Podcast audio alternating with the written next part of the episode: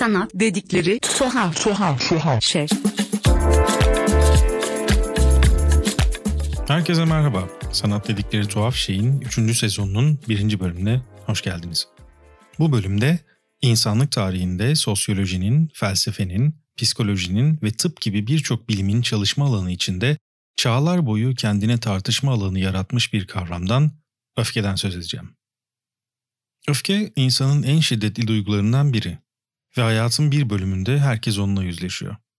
Kimi zaman içimizden dışarı taşıyor veya yakınımızdaki bir öfke ifadesinin patlama alanında kalıyoruz. Öyle ya da böyle ondan en uzak durmaya çalışanı bile gelip bir şekilde buluyor öfke. Üstelik bu sadece insanlar arasında yaşanan bir şey de değil. Tek başımıza kaldığımızda bizi çevreleyen şeylere, örneğin içinde yaşadığımız kente ya da üzerinde uzandığımız kumsalda tüm kıyafetlerimizin içine dolan kumlara, gürültüyle çalışan bir makineye veya geçmişimize, belki de geleceğimize karşı bir öfke duyabiliriz. Öfke zamandan ve mekandan bağımsızdır. Kısacası ondan kaçış yoktur. Böylesine güçlü, gerçek ve kaçınılmaz bu duygu elbette sanatta da kendinden sıkça söz ettirmiştir. Caravaggio'nun 16. yüzyıl sonunda tamamladığı Judith Holofernes'in Başını Keserken adlı eseri birçok açıdan öfkenin modern, postmodern ve çağdaş dönem öncesindeki en çarpıcı örneklerinden birini oluşturur. Eser eski ahitteki Judith kitabına dayanır. Güzel bir dul olarak tanımlanan Judith, İsrail'i kurtarmak için Asur kralı Holofernes'i öldürmelidir. Bu nedenle onu baştan çıkarır ve silahsız şekilde onun çadırına girer. Orada kralı sarhoş ettikten sonra ise başını keser. 145'e 195 santim boyutlarındaki tabloda Caravaggio, bu hikayenin kelimenin tam anlamıyla en can alıcı yerini resmeder. Judith'in yüzü neredeyse hissiz, sadece yaptığı şeyi düzgün yapmaya çalışan birinin dikkatli hali gibi kaskatıdır. Holofernes ise şaşkınlık, korku ve ihanete uğramışlıkla dolu bakışlarla son anlarını yaşamaktadır. Kesilmekte olan baş, bu başı gövdesinden ayıran kılıç ve giderek derinleşmekte olan yara tabloda açıkça görülür. Kan da aynı şekilde izleyicinin gözünün önündedir. Her şey çok nettir. Görüntü şüpheye yer vermeyecek şekilde detaylandırılmış, sahne eksiksiz bir biçimde kurgulanmıştır.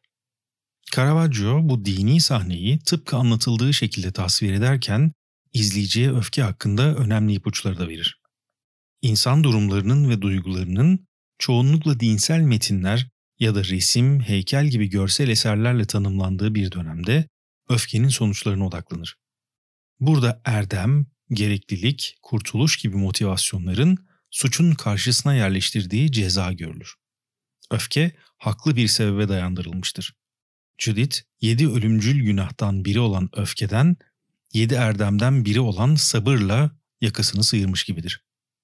Ancak bu sahne, öfkenin onu içinde taşıyan kişide neler uyandırdığını, yani kişinin kendi psişik halini yansıtmaz. Bunu görebilmek için tarihte biraz ileri gitmemiz gerekir. 18. yüzyılın sonlarında Güney Yarımküre'nin nasıl sömürüldüğü üzerinde pek de durmayan Kuzey Yarımküre, tarihin en bilinen özgürlük arayışlarına sahne olur. Amerikan ve Fransız devrimleri Judith'inkine benzer bir öfkeyi bir kez daha ortaya çıkarır.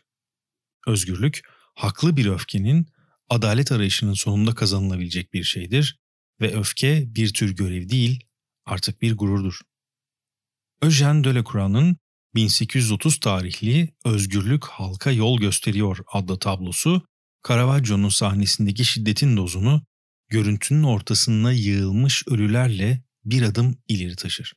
Judith'in konumunda ise öfkeli ve silahlı kalabalığa elinde Fransa bayrağıyla yol gösteren beyaz tenli anonim bir kadın vardır. Bu kadın açık göğüsleriyle toplumu besleyen değerlerinde semboldür. Oysa kendisini besleyen kurttan süt emen Romulus, Roma'yı kurmadan önce yine aynı kurttan süt emen kardeşi Remus'u, tıpkı Havva'dan süt emen Kabil'in ilk cinayeti işleyerek kardeşi Habil'i öldürdüğü gibi öldürmüştür. Delacroix'ın eserlerinde artık yavaş yavaş insanların yüzünden okunmaya başlanan öfke, dönemin din temelli olmayan yaklaşımıyla birlikte artık bir günahtan çok bir adalet arayışına dönüşmeye başlamıştır. Dostoyevski, insanın içindeki öfkeyi 1880 yılında Karamazov Kardeşler kitabında şu sözlerle tanımlar. Şüphesiz her insanda bir hayvan gizlidir. Hiddet, hırpaladığı kurbanın haykırışlarından kabaran şehvet hayvanı. Sefaletin verdiği kötü hastalıkların, nekris, böbrek ve benzeri illetlerin hayvanı. Zincirinden boşanmış bir canavar. Nietzsche'nin 3 sene sonra yayınlanan Böyle Buyurdu Zerdüştü ise bu öfkeye haklı gerekçesini verir. Çılgına döner her tutsak. Tutsak istem de çılgınca kurtarır kendisini. Zamanın geriye doğru gitmemesi, onun öfkesi budur. Olmuş olan, budur yuvarlayamadığı taşın adı. Ve böylece taşlar yuvarlar öfkesinden ve huysuzluğundan. Kendisi gibi öfkelenmeyen ve huysuzlaşmayandan da öç alır. Max Scheler'in Hınç başlıklı 1912 yılına ait makalesinde de benzer bir tekrardan bahsedilir. Öfke, hınç, gazap ve benzeri düşmanca duyguların içinde tekrarlanan bir motif olarak yer alır. Scheler bunu şu sözlerle anlatır. Hınç, zihnin karanlık dehlizlerinde gezinen, egonun eylemliliğinden bağımsız, bastırılmış bir gazap duygusudur. Hınç sonunda nefret ya da başka düşmanca duygulanımların tekrar tekrar yaşanması yoluyla şekillenir. O kendi başına düşmanca bir niyet taşımaz ama çok sayıda böylesi niyeti besler. Öte yandan Nietzsche'nin tutsağının yuvarlanamayan taştan bahsetmesi Sisyphos mitine bir göndermedir şüphesiz. Bu, öfkenin döngüsel seyrini anlatır bir anlamda. Ömründe bu tip bir döngüsel öfkeyi sıkça yaşamış kişilerden biri olan ve Fransız sömürüsü altındaki Cezayir'in o zamanlar Mondovi, bugün ise Dreyan adındaki kasabasına doğan Camus, İkinci Dünya Savaşı'nın sonlarında 1942'de tamamlanan Sisyphos söyleninde kimi zaman öfkenin tetiklediği yinelemeyi sanatın itici gücü olarak betimler. Sanat yapıtı der Camus, bir deneyin ölümünü aynı zamanda da çoğalımını belirtir. Çevrenin daha önce belirlediği yönelimlerin, bedenin, tapınakların alınlığındaki tükenmez imgenin, biçimlerin ya da renklerin, sayının ya da üzüntünün, tek düze ve tutkulu bir yinelemesi gibidir. Öyleyse yaratıcının görkemli ve çocuksu evreninde bu denemenin başlıca yönelimlerini yeniden bulmamız nedensiz değil. Bunu bir simge olarak görmek, sanat yapıtının en sonunda uyumsuza bir sığınak gibi görülebileceğini sanmak doğru olmaz. Kendi döneminin en önemli savaş karşıtı şarkılarından biri olan ve sonrasında birçok dile çevrilerek söylenmiş Savaş Kaçağı'nın yaratıcısı Boris Vian ise 1946'da Vernon Sullivan takma adıyla yazdığı Mezarlarınıza Tüküreceğim romanında öfkeyi Amerikan toplumu içindeki siyah-beyaz ayrımı üzerinden işler. Vian'ın bu eseri Nietzsche'nin ve Camus'un sözlerinin toplamı gibidir adeta. Üstelik Habil ve Kabil ile Romulus ve Remus'un hikayelerinin de bir türevine benzer. Ten rengi daha koyu olduğu için toplumdan daha fazla baskı görmesine rağmen yine de uyumlu bir vatandaş olmaya çalışan Tom'u, ona göre biraz daha rahat bir hayat olmasına rağmen eleştiren kardeşi Lee, birlikte babalarının kendi elleriyle yaptığı evi ateşe verirken, Tom fazla namusluydu. Bu da onun sonu olacaktı. Sanıyordu ki iyilik yapmakla iyilik bulunur. Oysa böyle bir şey olsa bile bu sadece bir aslantıdır. Önemli olan tek bir şey vardır. O da öç almak hem de fazlasıyla. Sözleriyle yargılayacak, kendi zihnindeki adaletin öfkeyle nasıl bağlantılı olduğunu, belki de öfkenin döngüsünün bitmeyeceğinin ön kabulüyle anlatacaktı. Bakış açılarının hızla çeşitlendiği ve iletişimin küresel anlamda giderek arttığı 20. yüzyıl, tıpkı varoluşçuluk gibi büyük düşünce akımlarını da ortaya çıkarttı. Frankfurt Okulu'nun mihenk taşlarından biri olan Max Horkheimer, o zamana kadar çoğunlukla toplum üzerinden okunan ve bireyin adeta ona kurban edildiği öfkeyi alt üst ederek okumanın yönünü değiştirdi. Horkheimer, 1947 yılında yazdığı Akıl Tutulması adlı kitabında bu durumu şu sözlerle dile getirdi. Toplumun ego aracılığıyla gerçekleştirdiği arzuların bastırılması sadece toplum açısından değil, birey için de daha akıl dışı bir durum haline gelir. Rasyonellik, büyük tantanalarla öne sürüldüğü ve savunulduğu ölçüde insanların zihninde de uygarlığa ve onun bireyin içindeki temsilcisi olan egoya karşı bilinçli ya da bilinçsiz bir öfke de büyümeye başlar. Horkheimer'dan etkilenen birçok isimden biri olan Erich Fromm ise 1964'te Sevginin ve Şiddetin Kaynağı adını verdiği kitabında bireyin psikolojisinin daha da derinlerine iner. Ve öfkenin bir başka formunu bu defa eleştiri ve tahammülsüzlük ekseninde inceler. Böylelikle öfkenin birey ve toplum arasındaki döngüsündeki eksik kalan kısmı tamamlamış olur. Fromm şöyle yazar. Eleştiri yerindeyse, kötü bir niyetle yapılmamışsa, insan normal olarak yaptıkları ya da söylediklerinin eleştirilmesine kızmaz. Oysa narsisist kişi eleştirildiğinde büyük bir kızgınlıkla tepki gösterir. Eleştirinin yerinde olduğunu narsisizminden dolayı görmediği için bunu düşmanca bir saldırı olarak görme eğilimindedir. Öfkesinin neden bu denli yoğun olduğunu ancak narsisist insanın dış dünya ile ilişkisinin kopuk olduğunu, bunun sonucu olarak da onun çok yalnız ve korkak bir insan olduğunu düşünerek anlayabiliriz. Bu kişi yalnızlık ve korkaklığını narsisist bir biçimde kendini büyük görerek ödünlemektedir. Öfke hakkındaki tartışmalar, onun kaynağı, sebepleri ve sonuçları üzerinde hararetli sorgular devam ederken, sanatta o güne kadar hiç olmadığı kadar çok bakış açısı ortaya çıkıyor. Bunlar toplumsal hareketlerin nedenleri ve sonuçları haline geliyor. İnsanlık çok uzun sürmüş bir emekleme döneminin ardından çok sesli dünyada neredeyse gerçek anlamdaki ilk adımlarını atıyordu. Çerçeveler flulaşıyor, sınırlar belirsizleşiyor, farklı perspektiflerden bakmanın, kendini ötekinin yerine koyabilmenin önemi anlaşılmaya başlanıyordu. Daha önceleri sadece iyi veya kötü, erdemli veya günahkar olarak sınıflandırılan öfke kavramı da üzerine düşünülen konulardan biriydi.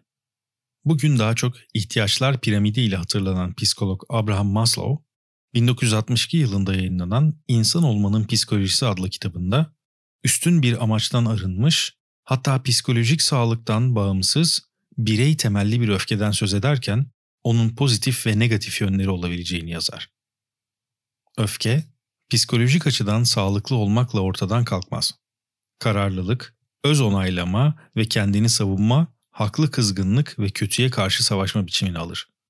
Böyle bir insan haksızlıklara karşı ortalama insana göre daha etkili savaşabilir.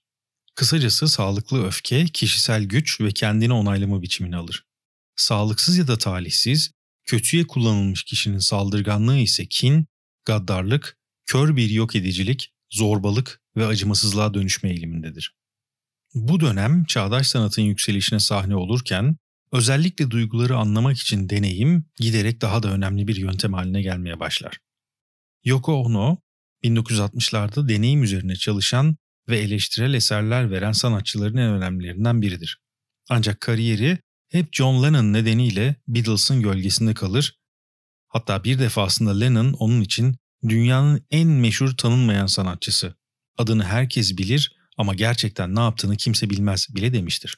Onu'nun 1964'te ilk kez Kyoto'da gerçekleştirdiği ve sonrasında farklı yerlerde devam ettiği parça kesme, Cut Piece adlı performansı öfkeyi feminizm bağlamında ele alır. Ono sahnede sessizce, neredeyse hareketsiz bir biçimde yerde oturur ve izleyiciler onun önünde duran makası alarak kıyafetinden istedikleri gibi bir parça keserler. Parçalar kesildikçe ve sanatçının bedeni daha çok gözüktükçe eylemin şiddeti de kendini göstermeye başlar. Ono ise performans bitene kadar tek kelime etmez. İnsanın güce kavuştuğunda neler yapabileceğine ve içinde biriktirdiği öfkeyi nasıl dışarı çıkarabileceğine dair önemli ipuçları veren sansasyonel 3. dalga deneyine ise daha 3 sene vardır. Ono'nun performansındaki öfke temasının sınırları 10 yıl sonra bir başka sanatçının Marina Abramovich'in Ritim 0 adlı performansında zorlanacaktır. Napoli'deki Studio Mora'da gerçekleşen 6 saatlik performansta Abramovich, performans alanındaki bir masada bulunan 72 eşya ile birlikte hiçbir şey yapmadan bekler. İzleyiciler ise aralarında bal, ekmek, şarap, çivi, tüy, makas, neşter ve hatta içinde tek bir kurşun bulunan dolu bir tabancanın bulunduğu objelerin içinden istediklerini istedikleri gibi kullanma hakkını sahiptir. İlk anları sakin başlayan performans, saatler ilerledikçe bir kabusa dönüşmeye başlar. 6 saatin sonunda sanatçının giysileri parçalanmış ve bedeni yaralanmıştır. Hatta performansın bir noktasında dolu silah Abramovich'in kafasına dayanır ve bu nedenle izleyiciler arasında sonunda kavgaya dönüşen bir gruplaşma bile yaşanır. Bir insanın o sırada ne hissedebileceğini tahmin etmek elbette mümkün değil. Üstelik kaçabilecek imkanı olmasına rağmen buna müdahale etmemesi, yani hayatta kalma içgüdüsünü öfkenin bile gücünün yetemeyeceği şekilde bastırması empati sınırlarının dışında kalıyor. Ancak ateşli silahla oynanan bu tehlikeli oyun 1971 yılında Chris Burden tarafından sonuna kadar götürülmüştü. Burden 1971 yılında Kaliforniya'daki F-Space Galeri'de bir performans yapar ve bir arkadaşının onu bir tüfekle vurmasını ister. Yaklaşık 4,5 metre uzaktan atılan 22 kalibrelik bir kurşun sanatçıyı sol omuzundan vurur ve bütün bunlar şaşkın, tedirgin, belki de sersemlemiş izleyicilerin gözü önünde yaşanırken bir yandan da videoya kaydedilir ve fotoğraflanır. Her şey önceden planlanmış ve oluşacak yaranın ölümcül olmaması özellikle amaçlanmış olsa da gerçek kurşunla, gerçek bir tüfekle ve gerçek bir atıcıyla yapılan bu performans öfkenin perdelediği şiddetin nasıl sonuçlar doğurabileceğine dair fikir veren sanat tarihinin bana göre en önemli kayıtlarından biridir. Burden, Via'nın şarkısındaki Sayın Başkan, eğer benim peşime düşerseniz uyarın askerlerinizi, silahsız olacağım, böylece beni vurabilirler sözlerini sanki gerçeğe uyarlamış gibidir. Böylece Ateş Et adındaki bu performans, öfkeyi otorite perspektifinden incelerken tarihin en büyük savaş karşıtı eylemlerinden birini de sanat tarihine bırakır. Aslında George Orwell kısa bir sürede bir distopya kültürüne dönüşen romanı 1984'te dünyanın neye dönüşebileceğine, otoritenin nasıl bir öfke merkezi haline gelebileceğine dair önemli sinyalleri henüz 1949 yılında vermişti. Romanda toplumdaki ayrılıkçıları ve devrimcileri toplamaya çalışan ve devrimcilerin içine sızan O'Brien, partiyi devirmeye amaçlayan Winston'a şunları söyler. Hükmetmek, acı çektirmekle ve aşağılamakla olur. Hükmetmek, insanların zihinlerini darmadağın etmek, sonra da dilediğin gibi yeniden biçimlendirerek bir araya getirmekle olur. Nasıl bir dünya yaratmakta olduğumuzu anlaya başladın mı şimdi? Eski reformcuların hayalini kurduğu o enayi, zevk düşkün ütopyaların tam tersi bir dünya. Korku, ihanet ve azap dolu bir dünya. Ezmenin ve ezilmenin dünyası. Kendini yetkinleştirdikçe daha az acımasız olacak yerde daha da acımasız olan bir dünya. Bizim dünyamızda ilerleme daha fazla acıya doğru bir ilerleme olacak. Eski uygarlıklar ya sevgi ya da adalet üzerine kurulduklarını öne sürüyorlardı. Bizim uygarlığımız ise nefret üzerine kurulu. Bizim dünyamızda korku, öfke, zafer ve kendini aşağılamadan başka bir duyguya yer yok. Başka ne varsa hepsini yok edeceğiz. Hepsini. Birey haklarının ve ötekileştirilenlerin seslerinin 70'lerden itibaren yükselmesiyle birlikte sanatsal söylemler de eskisine göre özgürleşmeye başladı. Catherine Opie, 1993 ve 94'te oluşturduğu iki otoportrede kendi bedenine iğneler batırdı, sırtına ve göğsüne desenler kazıdı. Sırasıyla Otoportre Kesikler ve Otoportre Sapkın adlarındaki bu iki eser, dönemin Amerikan toplumundaki queer bireylerin konumunu sorguluyor, bireylerin toplumsal kimi normlara sırtlarını yaslayarak diğer bireylerin yaşamlarında yarattığı dayanılmaz baskıyı ortaya koyuyordu.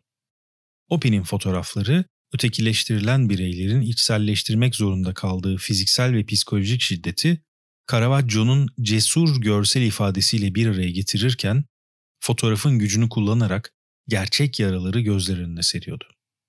Hank Willis Thomas'ın 2009 yılına ait I'm a Man, Ben Bir İnsanım adlı 20 tuvalden oluşan eseri ise Amerikan toplumundaki siyahların haklarını kazanma mücadelesine odaklanıyordu.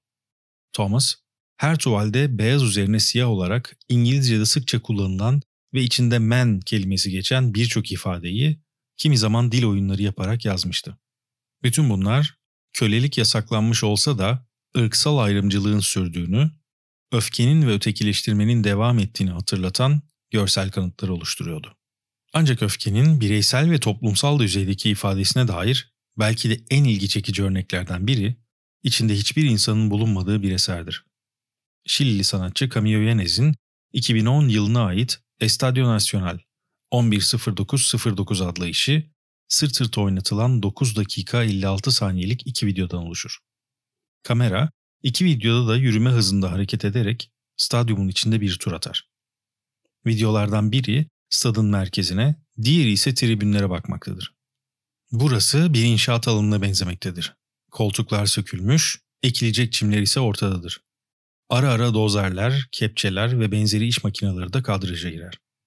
Tüm bunlar aslında Şili'deki 73 darbesi sırasında Pinochet tarafından bir işkence ve ölüm kampına dönüştürülen stadyumun 2009'daki yenilenmesi sırasında çekilen görüntüleridir.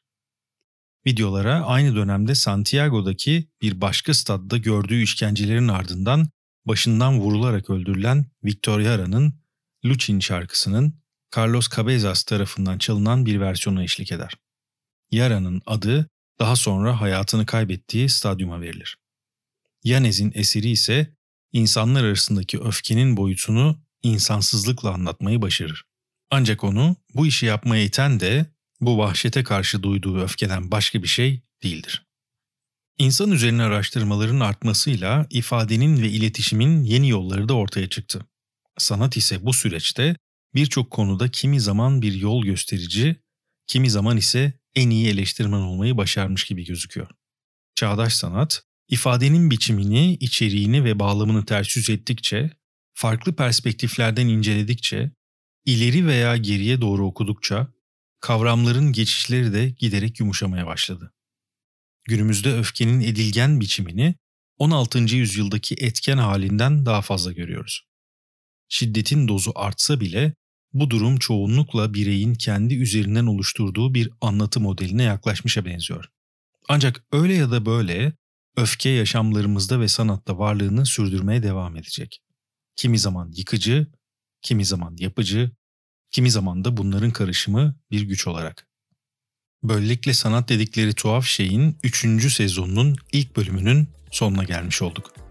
Gelecek programda yeniden görüşmek üzere. Herkese hoşçakalın.